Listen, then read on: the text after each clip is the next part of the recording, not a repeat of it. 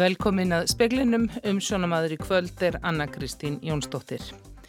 Hægt verður að bjarga Notre Dame kirkun í París ef steinkvelving undir timburþakkinu sem brann heldur, segir arkitekt og sviðstjóri hjá Minjastofnun.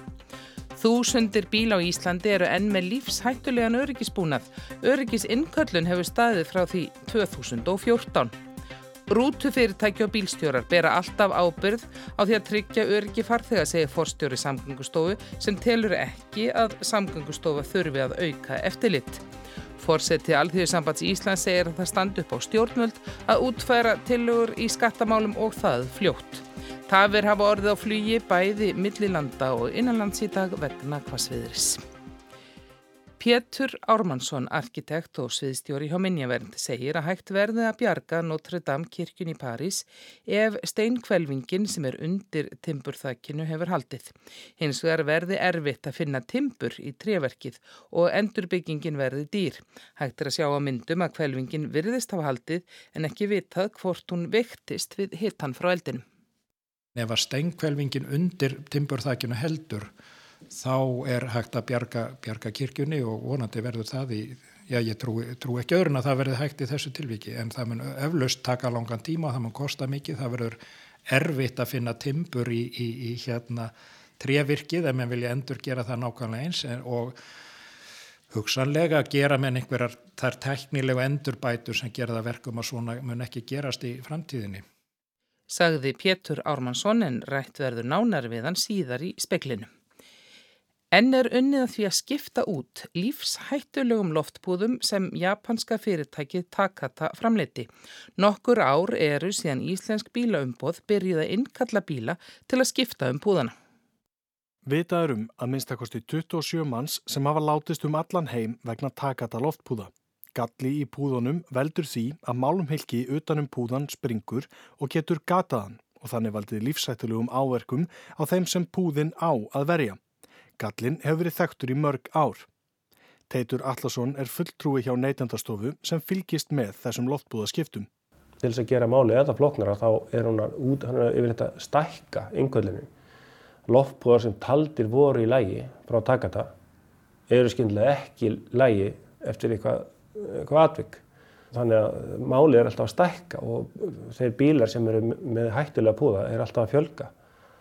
Það má reikna með því að eh, fjöldi þeirra bíla sem er með takatabúða á Íslandi skipta 20.000. Toyota er eitt þeirra framleiðanda sem notaði takata loftbúða og skiptur umbóðið hér á landi um 1.000 púða á mánuði. Þetta voru törverstverkefni hjá okkur undanfærin ár og eh, hjá okkur, hjá Toyota er þetta um 19.500 bílar og það er náttúrulega unnið þessu daglega. Við erum með fjóra starfsmenn sem gera lítið annað en að skipta um loftbúða. Segir Pál Þorstensson upplýsingafulltrúi Toyota. Enn eru þó þúsundir bíla á gödunum með gallaða púða. En hluti bíleganda hefur lendt utan við innköldunarkerfið og þeir því ómeðvitaðir um að þeirra bíl sé búin þessum gölluðu loftpúðum. Kveikur fjallanum það í kvöld klukkan átta. Aðalsteit Kjartansson tók saman og rætti við Teit Hallarsson og Pál Þorstensson. Alþjóðu sambandi Íslands er farið að lengi eftir útfærslu á skattatillugum stjórnvalda. Drífa Snædal, fórseti Alþjóðu sambandsins, segir að þrýst verða á stjórnvaldum emdir í öllum atriðum yfirlýsingar sem þau lögðu fram í tengslu við kjærasamningagerðina. Við lögðum mjög miklu áherslu á það, sérstaklega á síðustu metrónu þegar var ljóst að það er slegið af eh, hérna, krónutöluhekkurum í upphafi að það var mjög brínt að þungi skattatillagnana og skattalækkanana kæmu fyrr en alla. En vantristir alþjóðsambandi þá því að stjórnvöld efni lofurðum breytingar á skattkerfinu? Nei, þetta er ekki vantrist á ríkistjórnina en þetta er hluti af því að vera með þrýsting á yfirlýsingar eh, að þessi er fyllt eh, eftir, hratt og öruglega og okkar félagsmenn fái skýrskilabúð fljótt sagði Drífa Snædal en í yfirlýsingu Alþjóðsambands Íslands um skattamálun í dag kom fram að félagsmenn sættu sér ekki við að það tæki þrjú ára innleiða lovorðum þryggja þrepa skattkerfi með nýju láttekju þrepi en þessa breytingar eiga skila þeim sem lagstar hafa tekjurnar 10.000 krónum á mánuði. Evrópuþingið samþykti í dag með miklu meiri hluta reglur um vernd uppljóstarara. Þeim er ætlað að koma í vekk fyrir að hægt verði að beita uppljóstarara hemdaraðgerum ef þeir afhjúpa neykslis spillingar og sveikamála ímsu tægi. Eitt þekktasti uppljóstarari heims, Julian Assange, situr í gæsluvarhaldi Breitlandi og býður þess að afstæða veri tekinn til beðinni bandaríkjamanna um framsal. Þegar þingmenn Evrópuþingsins rættu um nýja reglur í dag var Assange einmitt nefndur sem eitt þeirra sem þyrtu á vernda halda. Uppljóstararinn Chelsea Manning tjáði Julian Assange að stopnun bandarísku leini þjónustörunar hefði nánast gengið á göflunum þegar hún grófst fyrir um þjóðaratkvæðagriðslun á Íslandi um iSafe og að Assange hefði haft áhrif á niðurstöðu atkvæðagriðslunar þótt óljóst sé hver mikil þau voru. Þetta kemur fram í greinagerð bandarísku allrikislauguruglunar. Ólafur Eliasson, talsmaður Indie Fence Hopesin sem barðist gegn iSafe, kannast ekki við það að Assange hafi komið að baráttu in defense. Rúta sem ekið var aftan á fólksbíl næri kirkjubæðarklaustri fyrir tveimur árum fór í árlega skoðun 11 mánuðum áður en slesið varð. Skýrslas rannsóknarnemdar samgönguslesa var byrt í vikunni. Þar eru gerðar aðtúasemtir við ástand og aldur rútunar og kvildartíma ökumanns. Hann hafi ekið of rætt miðaði aðstæður og hemla rútunar voru bilaðir. 44 ferðamenn á samt leðsugumanni og ökumanni voru í rútunni, fjórir farþegar og ökumadurinn köstuðust út í slísinu en enginn þeirra var í örgisbelti. Tveir farþegar festust undir rútunni og annar þeirra var látin þegar aðva komin. Komið hinn ljast hálfu mánuði síðar. Fimm slösust alvarlega. Forstjóri samgöngustofu segir að rekstrarleifis hafar hópbifræða beri ábyrð á því að faratæki séu örug til notkunnar. Samgöngustofa annist eftirlit með bifræðunum. Fyrst og fremst er það að árlega eru aukutækin í gegnum skoðun, prófuð og þar á meðal hemlar og hemlurna búnaður og ég veik aðtekla á því að í þessu tilviki hafi aukutæki verið skoðað um 11 mánuðum áður og það getur margt gerst á 11 mánuðum og þess vegna er það ábyrð rekstarleifis hafans og eigandans að láta skoða aukutæki ef það er grunur um að það uppfyllir ekki öryggiskröfur. Það eru sömu kröfur og er á okkur sem bílegandur að þó að þessi ekki komin endilega tími á skoðunartíma að þá eigum við að fara með aukutæki í skoðun ef við höfum grunum að það sé ekki í lægi. Saði Þórólur Átnarsson, forstjóri samgöngustofu. Júha Sipela, formaði miðflokksins í Finnlandi, tilkynntum afsökk sína í dag. Í tilkynningu segist hann ekki eiga annars úrkosta eftir að flokkurinn tapaði miklu fylgi í þingkostningunum á sunnudag. Bóðað hefur verið til auka landstings 7. september þar sem nýr formaður miðflokksins verður kjörinn. Sipile var formaður árið 2012. Hann var forsættisherraður af Finnlands á síðasta kjörþímabili. Þegar hann tók við ennbætti var miður flokkurinn sá stæsti á finska þinginu með 49 þingsæti. Hann tapaði 17 þingmannum í kostningunum á sunnudag og hlaut einungis 13,8% fylgi.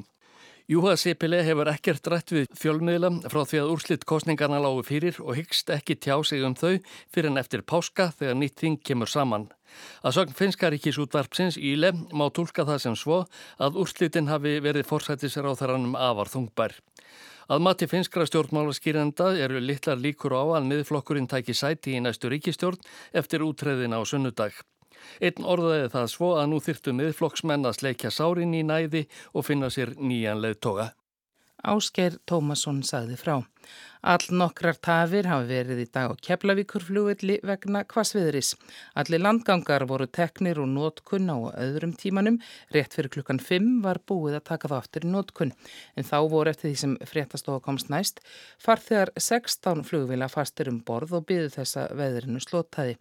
Alltaf tveggja tíma senkun er á brottfur nokkur að vila frá Keflavíkurflugvelli sem áallar var að færi í loftið á milli fjögur og 6 eða 16 og 18 og þá hefur innlandsflugi verið aflýst nú síðdeist frá Reykjavík-flugulli. Veðrið hafði áhrif víða í dag, manneski á gangi við hörpu í miðbæða Reykjavíku fauk og fjallum koll og var flutt á sjúkrás með sjúkra bíl en ekki er kunnugt um líðanennar. Og þá fjall húsbíl út af veginum við Írá við í ásólskála undir eigafjöllum laust fyrir tvöðu dagin engan sakkaðin bálkvast var þar á þessum slóðum.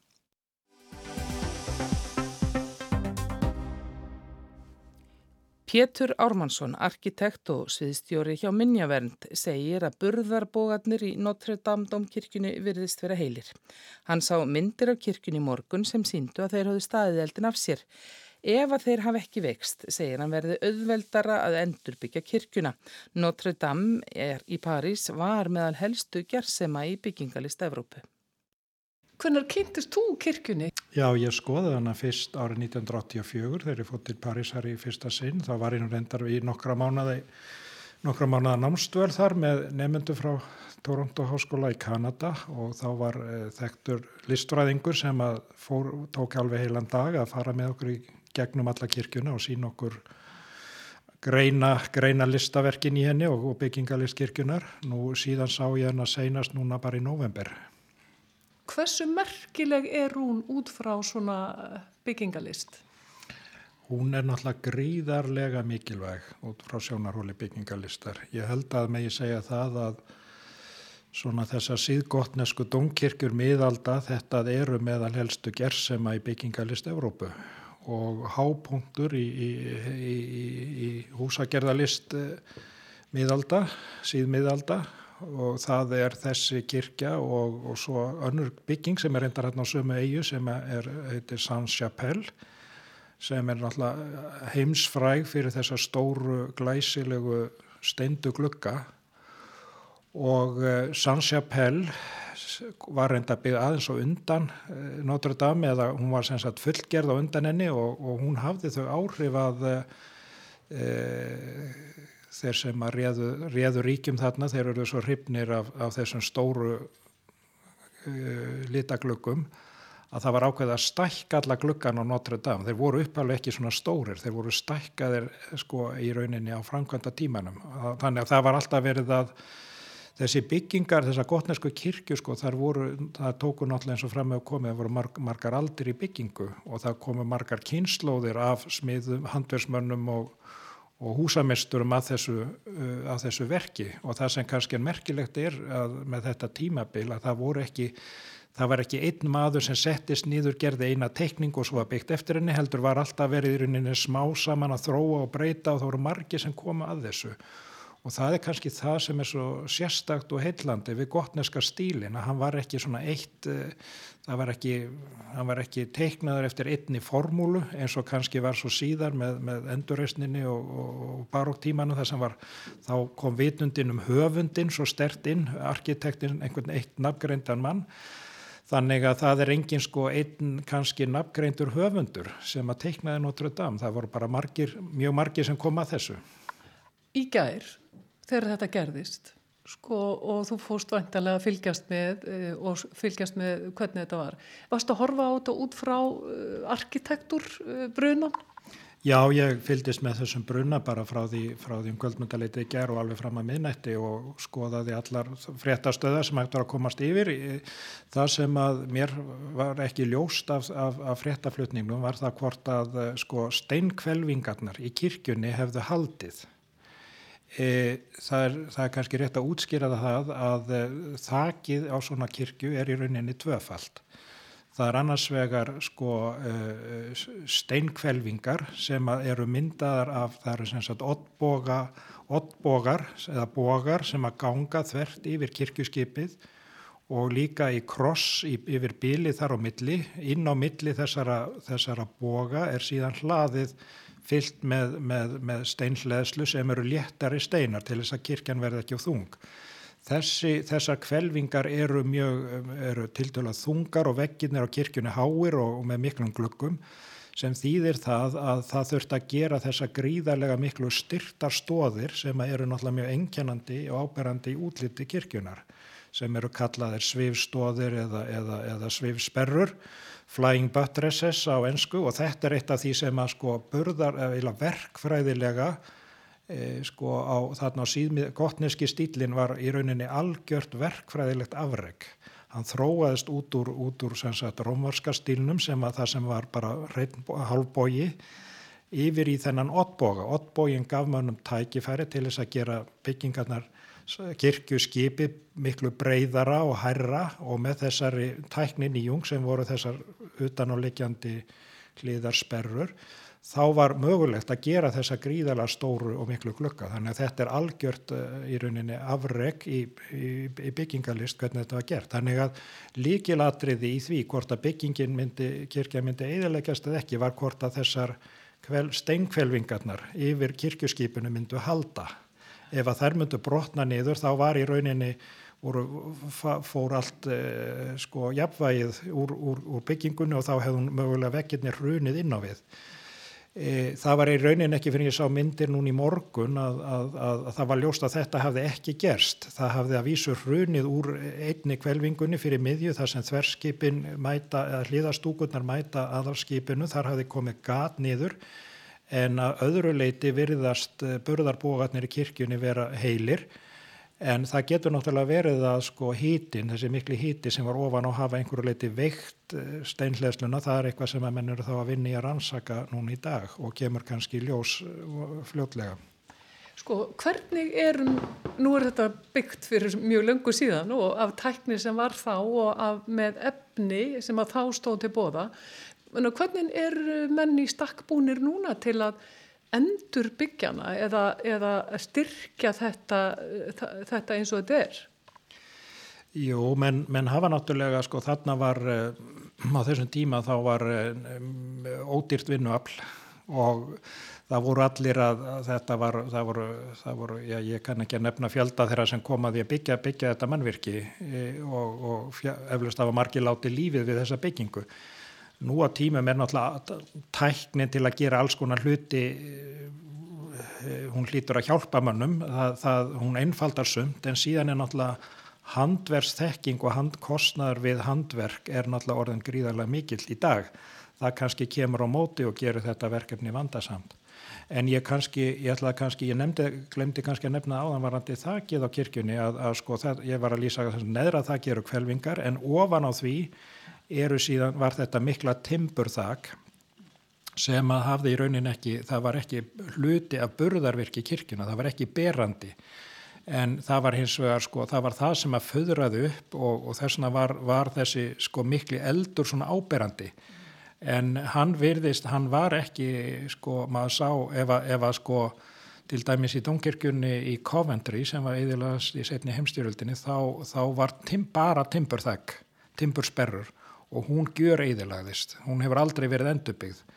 Eh, en, en þarna af því að, og ég reyndar eru fleiri dæmi, Reims eh, kirkjan skemmtist líka fyrir heimstyrjöldinni, það hafa orðið brunnar, í, það hafa brunnið þög af svona kirkjum, en ef að stengkvelvingin undir timburþækjunu heldur, þá er hægt að bjarga, bjarga kirkjunni og vonandi verður það í já ég trú, trú ekki öðrun að það verði hægt í þessu tilviki. En það mun eflaust taka langan tíma, það mun kosta mikið, það verður erfitt að finna timbur í, í, í hérna trevirkið ef mann vilja endur gera það nákvæmlega eins og hugsanlega gera menn einhverjar þar teknilegu endurbætur sem gera það verkum að svona mun ekki gerast í framtíðinni.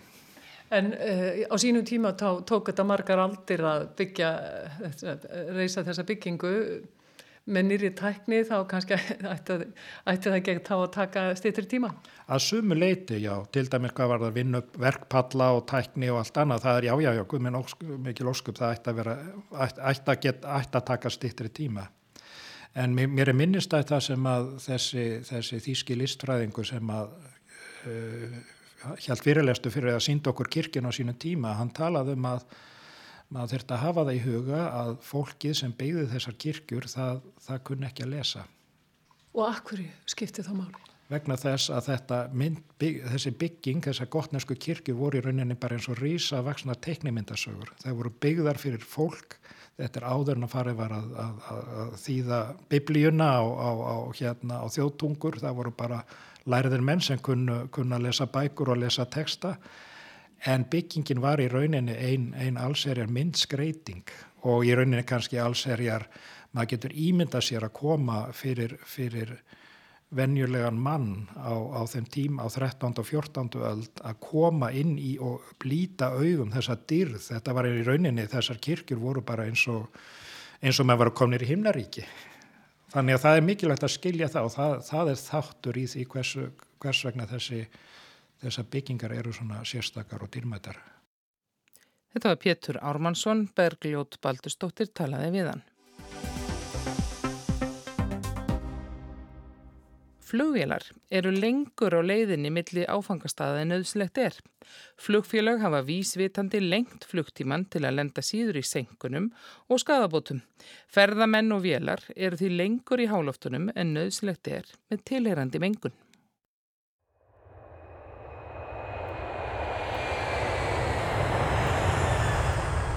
Á sjönda áratögnum tók það fimm tíma að fljúa frá New York til Los Angeles og þrjú kortef frá New York til Washington. Nú tekur rúma sex tíma að fljúa frá New York til Los Angeles og 75 mínútur til Washington, þótt vega lengdin millir flugvalla hafa ekki lengst. Á fagmálinu kallast þetta schedule creep eða flugskrið, padding eða fyllingarefni. Í útökt BBC segir að flugfélögin haldi þessu vandlega leindu en það afar óumhverfis vænt. Tilgangur flugfélagana er hins vegar augljós. Tafir á flugferðum hafa alltaf verið vandamál en með því að lengja uppgefin flugtíma aukast líkunar á því að tímamörkin standi. Það kemur oft flugfarþegum ánægilega og óvart að lenda á réttum tíma þó tafir hafi verið á brottfaratíma. Þetta háttalag flugfélagana hefur hins vegar margvísleg neikvæð áhrif. Flugferðirnar eru lengri en nöðsinn ber til og skapar þá blekkingu að flugið sé á tíma. Flugfélagin þurfa því síður að auka skilvirknina og mengun verður miklu meiri en ella. Mikael Baíta, flugstjóri og forstjóri ráðgjafa fyrirtækis í flugræskstri, segir við BBC að 30% allara flugvela komi meira en 15 mínútum of seint á áfangastað þrátt fyrir þetta flugskrið eða fyllingarefni. Áður en flugfélag fóru vísvitandi að lengja flugferðir var þetta hlutfall 40%. Hann segir að flugfélagin séu vísvitandi að svindla með lengingu flugferða. Miklu betra væri að auka skilvirknina, neytendum og umhverfinu til hagspóta. Kostnaður flugfélagana og mengun myndi minga verulega. Stundvísi er líkilatriði fyrir flugfélag og ferðamenn, en Bæta segir að hægt sé að ná áraðanleika með aukinni skilvirkni frekar en innbyggða og vísvitandi lengingu flugferða. Þessi stundvísi hefur sett eigið lingó. A0 heitir það þegar vélin er akkurat á tíma en A15 þegar vélin er 15 mínútum á eftir áallun.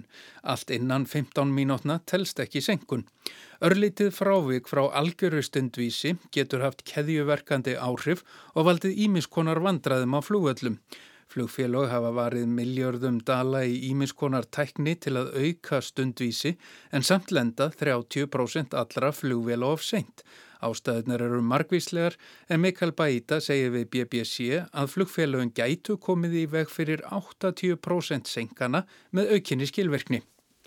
Paloma Salmerón, talskona er help sem berst fyrir réttindum flugfarþega, segir að vísvitandi lenging á flugtíma sé alsiða í flugheiminum. Flugfélagin náði þannig oftar að vera á réttum tíma og drægi úr líkum á þryggja klukkustunda senkun. Það er algjört líkilatriði rekstri flugfélaga enda miðast bætur við þryggja klukkustundar regluna. Flugfélög vilja alls ekki verða skadabóta skild og beita öllum bráðum til að komast hjá greiðslu skadabóta. Vísvitandi lenging á uppgefnum flugtíma skiptir þar miklu máli. Lósun gróðurhúsa loftegunda frá flugstarfsemi hefur aukist gríðarlega og kemur til með að aukast í fyrir sjáanlegri framtíð. Á vef umhverfistofnunar segir að á næsta ári verði losun frá flugstarfsemi 70% meiri en árið 2005. Alþjóða flugmálastofnunin spáir því að fram til ársins 2050 geti vöxturinn orðið 300 til 700%.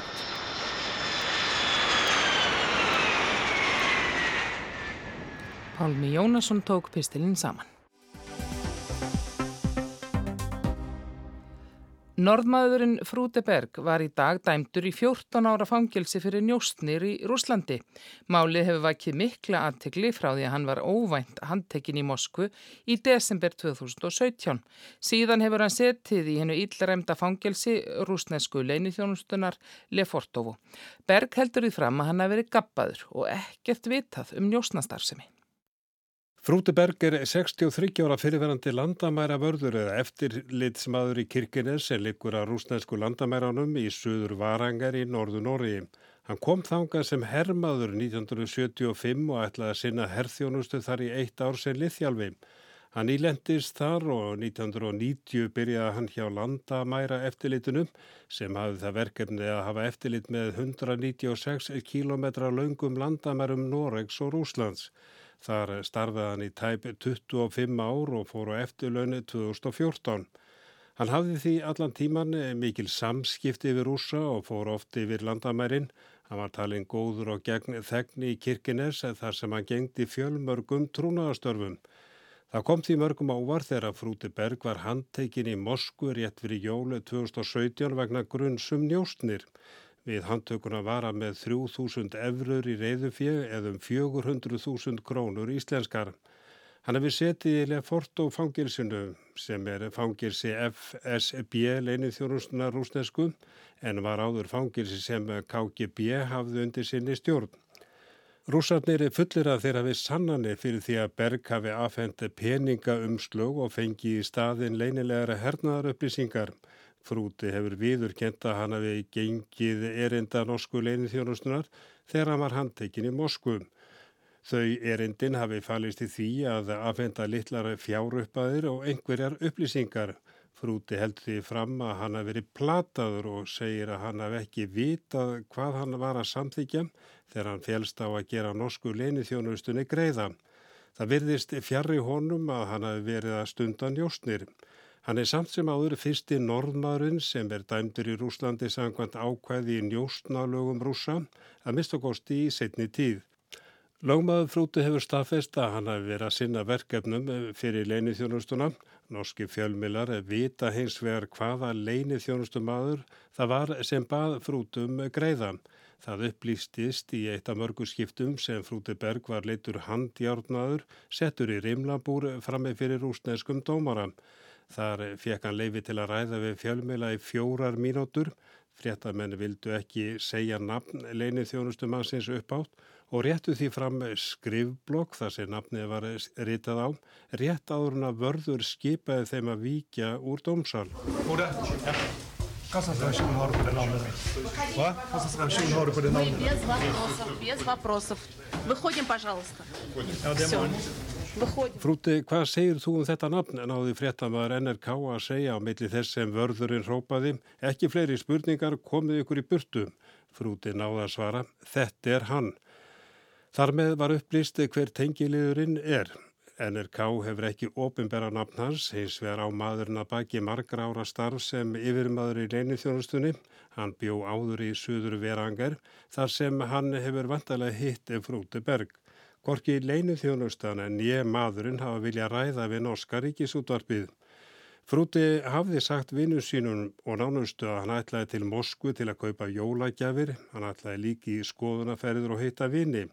Hins vegar var raunverulegur tilgangur að postleikja umslag með 3000 eurum til konu að nafni Natalía. Rúsneska leinithjónustan fullirðir að hún hafi átt að aðfenda öðrum rúsa peningana sem greiðslu fyrir upplýsingar um norður herrflota rúsa. Saksóknarinn rúsneski segir að Frúti Berg hafi tekið þátt í njóstnum sem luta því að abla upplýsinga um nýjan kjarnorkukapátt af gerðinni Jassen sem ætlað er að eldast við flota allarsarspandalagsins.